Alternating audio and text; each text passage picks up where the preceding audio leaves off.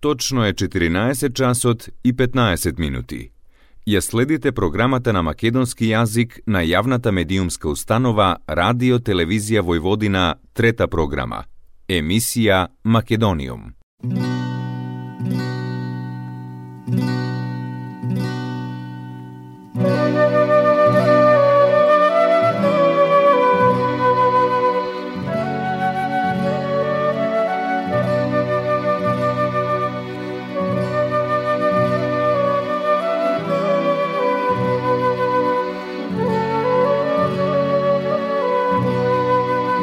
Македониум.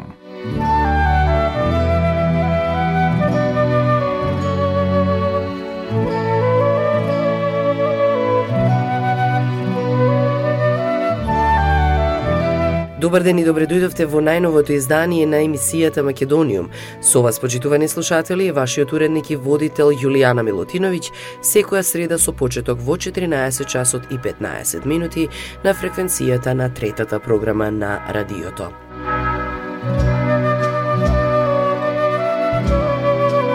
Македонијум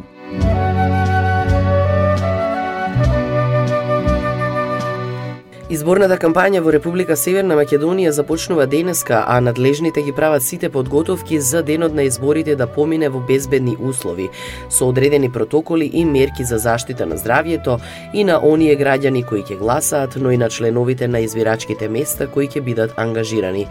Сепак дел од нив уплашени за своето здравје велат дека би требало да се направи многу повеќе од аспект на заштита од коронавирусот, бидејќи најголемиот дел од тој ден ќе го минат во во, во затворена просторија и ќе бидат во близок контакт со различни луѓе, односно со гласачите.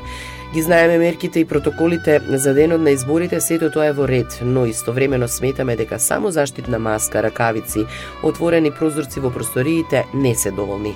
Сметаме дека би било многу подобро изборниот ден да се одржи на отворено, па така ние самите прво би биле на поголемо растојание, а за да бидеме сигурни дека не сме заразени, би било најдобро да бидеме тестирани и во разумен рок пред изборите ги добиеме резултатите од ковид тестовите. На тој начин би избегнале создавање на нови кластери на заразени граѓани во Македонија, велат вработени во администрацијата, а кои се ангажирани како председатели, заменици председатели и членови на избирачките места. Како пример ја посочуваат Србија која веднаш по изборите почна да пријавува се поголем број на новозаразени, а истовремено отвара и нови ковид центри. Во однос на оваа реакција од Комисијата на заразни болести велат дека и досега се послушани барањата за безбедни услови во текот на изборниот ден, со речиси никаков ризик за заболување и секако и понатаму се отворени за соработка и за изнаоѓање решенија, но да се прави масовен скрининг ниту има време, ниту пак е возможно да се истести протестираат толку многу луѓе.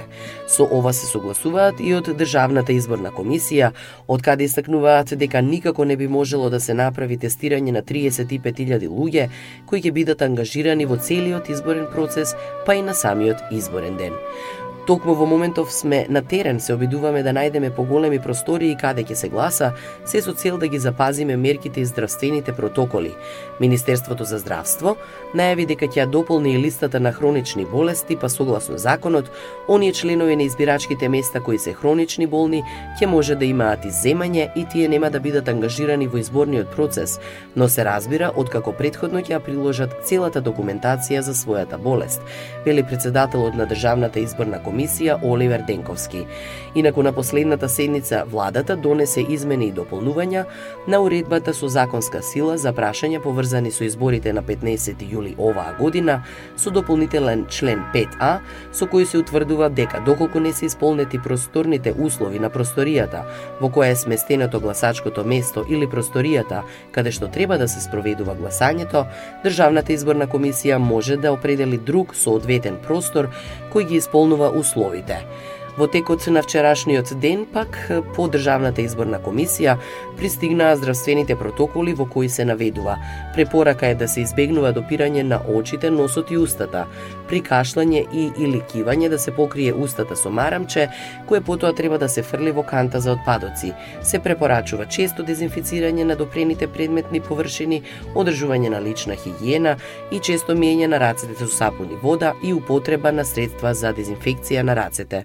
Препорачливо е да се носи маска за да се заштитите себе си од другите во ваша близина или пак да се ги заштитите другите од вас. Комисијата за заразни болести препорачува задолжително почитување на здравствениот протокол за спроведување на предвремените парламентарни избори во Република Северна Македонија, како и на сите мерки по препораки од владата и комисијата во функција на спречување и ширење на коронавирусот COVID-19. Македонијум На македонските државни граници од петок 26 јуни ќе се врати непреченото движење без обврска да се приложуваат ПЦР тестови за коронавирус или да се оди во изолација. Владата вчера поплане донесе таква одлука на предлог на Комисијата за заразни болести. Истовремено се укинува и забраната за организиран превоз на патници. Следната среда, на 1 јули, ќе се отворат и двата меѓународни аеродроми во Скопје и Охрид. Ново релаксирање на мерките има и за угостителски објекти кои од петок исто така ќе можат да работат и во внатрешноста на објектите со почитување на пропишаниот протокол за работа. Како што најави македонскиот министер за здравство Венко Филипче, од петок ќе биде дозволена работата и на теретаните и вежбалниците, а моловите ќе можат да работат и во неделите. Македониум.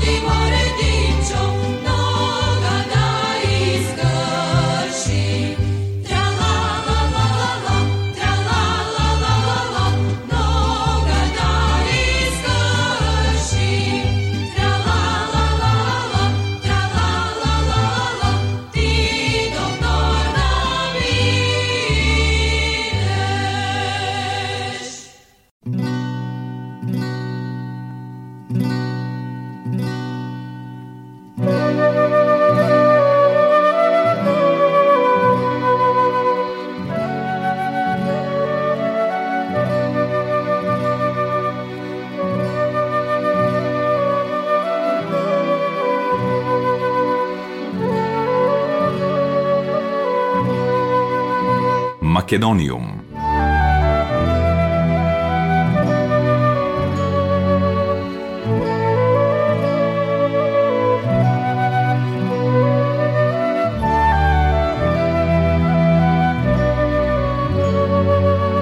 На сајтот на Министерството за информатичко општество и администрација на Република Северна Македонија е активирана алатката на веб страната за пријавување на притисок на работното место.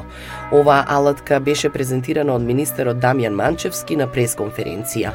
Како што изјави тој, со ова министерството ја продолжува воспоставената пракса на објавување алатка за пријавување на притисоци во предизборен период на својата веб страна.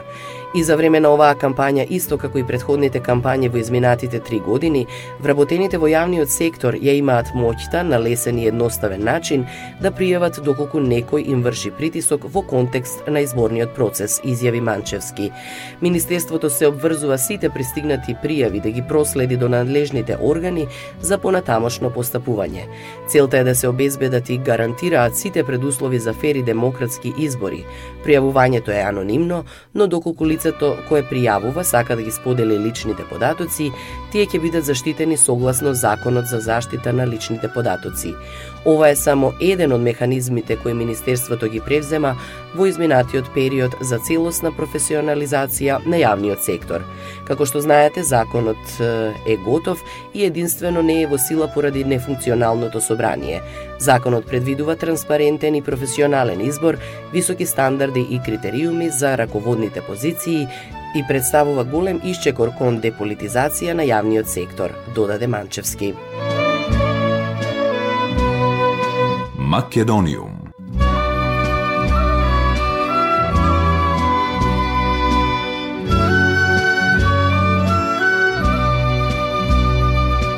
За прв пат од независноста на земјата имаме избори како земја членка на НАТО и во очекување да ги почнеме предпристапните преговори со Европската Унија. Изборниот процес и изборите мора да бидат спроведени според високи стандарди и критериуми, имајќи ја предвид и нашата евроатлантска перспектива, изјави председателот на Република Северна Македонија Стево Пендаровски. Овие избори се одржуваат во време на пандемијата на COVID-19, прогласена од Светската здравствена организација. Во таа насока на сила ќе бидат посебни здравствени протоколи, со цел да им се овозможи на сите граѓани кои ќе одлучат да го искористат своето уставно загарантирано право на глас, да го сторат тоа во безбедни услови и со соодветна заштита. Драги сограѓани, постапувајте според протоколите за безбедност и заштита при одвивањето на севкупниот процес на избори. При гласањето бидете заштитени, почитувајќи ги мерките, протоколите и држете пропишано растојание. Апелирам до сите учесници во изборниот процес да придонесат овие избори да бидат фер, слободни и демократски, како што се и обврзаа со подпишувањето на Кодексот за фер и демократски избори. Очекувам сите политички партии да организираат кампања во која учеството ќе биде безбедно за сите и за кандидатите и за граѓаните. Очекувам од сите политички партии достоинствена кампања со високо ниво на политичка култура без дискредитации. Очекувам инклузивна кампања во која ќе учествуваат сите маргинализирани групи и малцинства, во која ќе биде застапуван и нивниот интерес, Од друга страна, очекувам сите институции кои се најповикани и надлежни за спроведување на изборниот процес да работат професионално, по согласност со принципите на отвореност, еднаквост и непристрасност. Слободата на изразување е клучна за да имаме кредибилен изборен процес и граѓаните да добијат релевантни, навремени и вистинити информации со цел самостојно да донесат одлука кому ќе го дадат својот глас. Во услови кога имаме избори без поголеми собири и теренски активности, медиумите имаат уште позначајна улога и затоа е потребно непристрасно и професионално да ја информираат јавноста. Социјалните медиуми ќе бидат значајна алатка во изборната кампања, честопати и како извор на подпалувачки говори лажни вести, кои го подкопуваат демократскиот развој на отворените обштества. Апелирам до граѓаните да бидат внимателни и редовно да ги проверуваат информациите кои се пласираат на социјалните медиуми од непознати извори. Дозволете да посакам успешни избори, фер и коректна кампања, накрај вистинската одлука ќе ја донесат граѓаните. Почитувани граѓани, ве повикувам да излезете и да гласате по свое лично убедување, без страф и без притисоци. Одлучете сами на која политичка опција и за каква политика ќе го дадете својот глас и својата доверба. Се вели во изјавата на председателот на Република Северна Македонија Стево Пендаровски.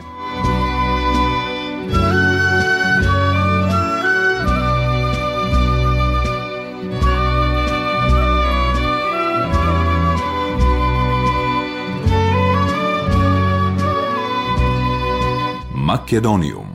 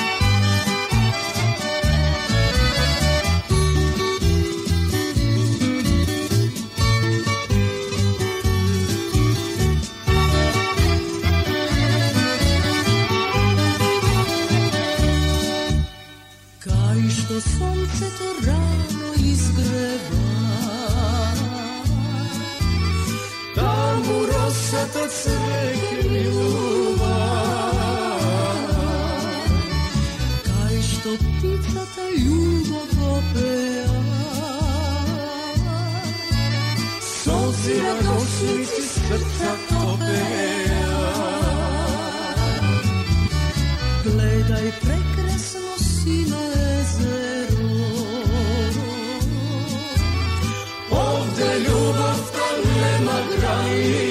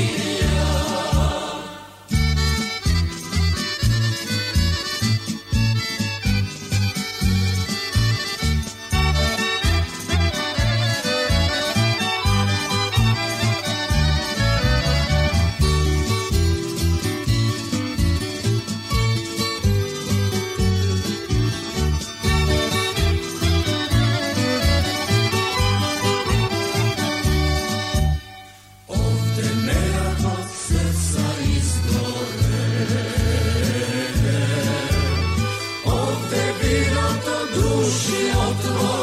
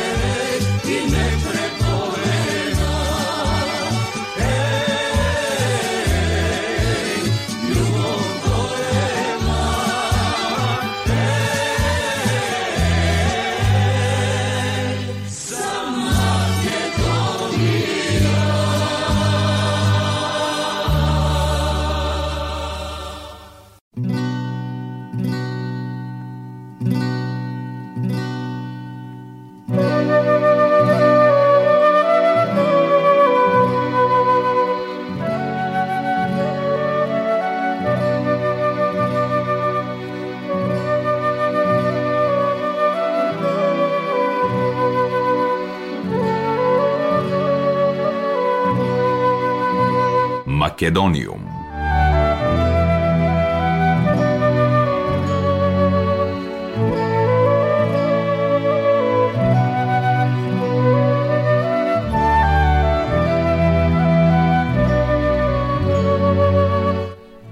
Северна Македонија од сега може да учествува со минимални 5% за мултилатералните филмски копродукции и со 10% во билатералните копродукции, наместо како што беше досега пракса да учествува со 10 односно 20%, соопшти Агенцијата за филм на Република Северна Македонија.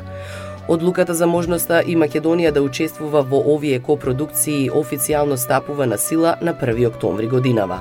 Тоа е резултат на тоа што Македонија ја ратификуваше ревидираната Европска конвенција за кинематографска копродукција, со која покрај членките имаат право да учествуваат и земите кои не се дел од Европската Унија, а имаат потенцијал и кадар за работа на меѓународни проекти. Со оваа конвенција се уредуваат односите меѓу копродуцентите и продуцентот на учество во филмска копродукција. Одлуката за двојното намалување на условите кои мора да ги исполнуваат продукциите за да се сметаат за копродуценти е во надлежност на Европскиот фонд за копродукција и дистрибуција на креативни кинематографски и аудиовизуелни дела Еуримаж. Задоволен сум што нашата земја добива подобра шанса да биде дел од големи европски филмови во улога на копродуцент. Двојното намалување на условите за учество во филмови што некогаш се толку многу скапи за нас, значи подадена рака на европската кинематографија, вели Горијан Тозија, директор на Агенцијата за филм.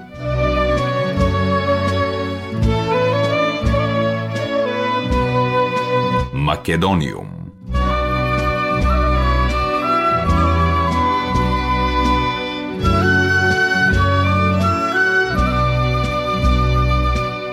Филмскиот маркет на престижниот кански филмски фестивал Марше ду Филм по прв пат годинава се одвива виртуелно поради пандемијата со COVID-19. Агенцијата за филм на Република Северна Македонија и оваа година присуствува на големиот европски филмски настан, но овој пат прилагодени на ситуацијата со Е-павилјон. На филмскиот маркет на Канскиот филмски фестивал кој стартуваше на 21 и ќе трае до 26 јуни, Агенцијата за филм на Република Северна Македонија ги презентира најновите филмови кои се во постпродукција или се завршени најновите каталози во кои се представени сите нови филмски проекти реализирани минатата и оваа година и филмови кои се во фаза на реализација, како и мерката за право на повратна средства за снимање на странски продукции, соопштуваат од агенцијата. Во четирите дена сите присутни на филмскиот маркет кои ќе го посетат е павилионот и се заинтересирани за потенцијални идни соработки и иницијативи, ќе имаат можност да остварат состаноци со представници од агенцијата. Македониум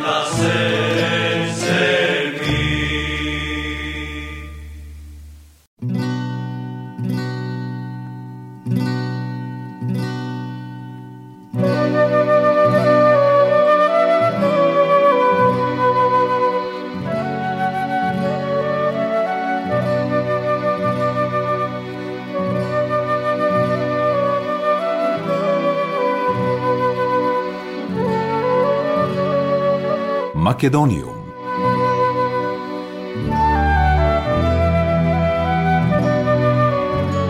Почитувани слушатели, тоа беше се за денеска. Поздрав до следната среда во исто време, во 14 часот и 15 минути, од вашиот уредник и водител Јулијана Милутиновиќ.